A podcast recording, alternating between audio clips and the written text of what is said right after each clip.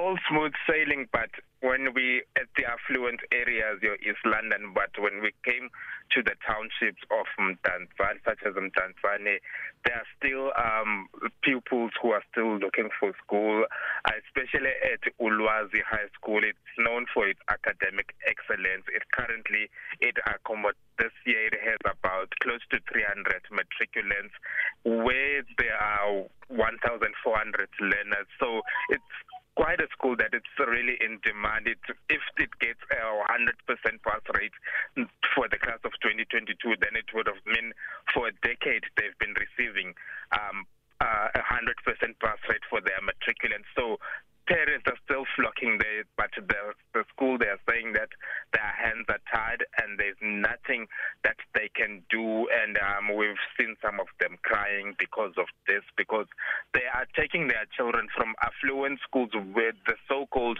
former Model C schools to be at this no-fee paying school due to its academic excellence. So now that applies pressure on them, and we're now seeing um, overcrowding in classes due to this high number of uh, of due to the demand. And um, now even the infrastructure is quite bad.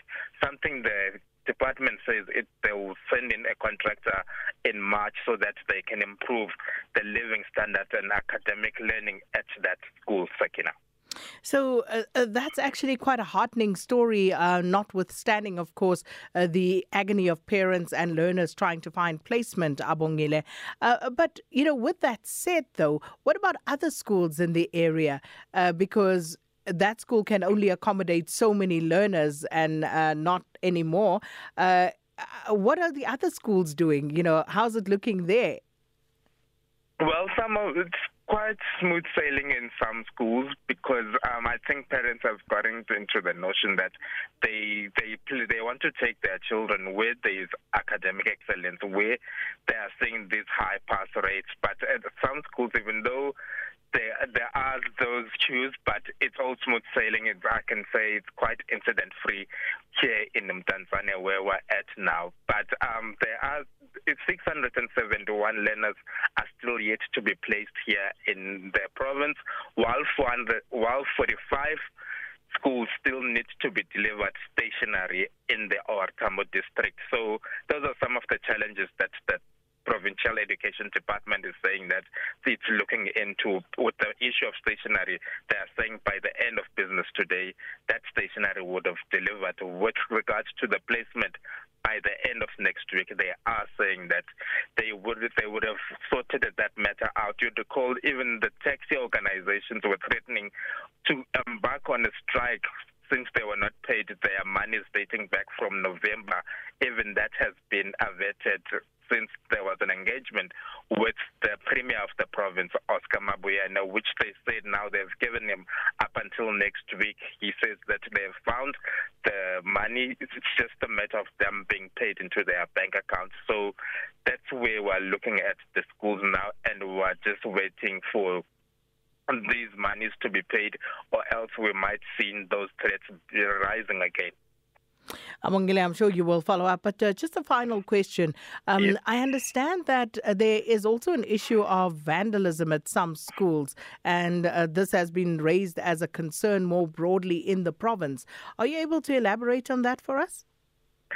The Nelson Mandela Bay, seemingly the it's the one that's mostly problematic when it when it comes to um, vandalism in schools.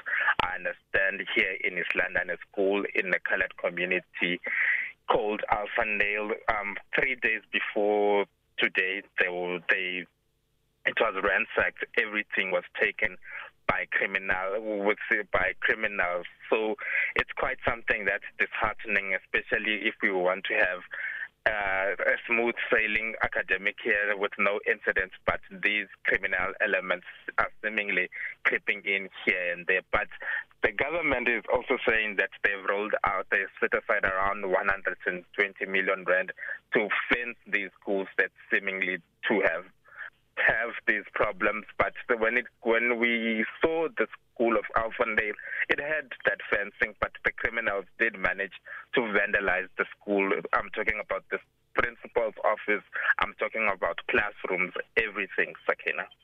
Abongile, thanks so much uh, for that update. And no doubt, as I said, you will follow up on those deadlines uh, that have been uh, forwarded by the department.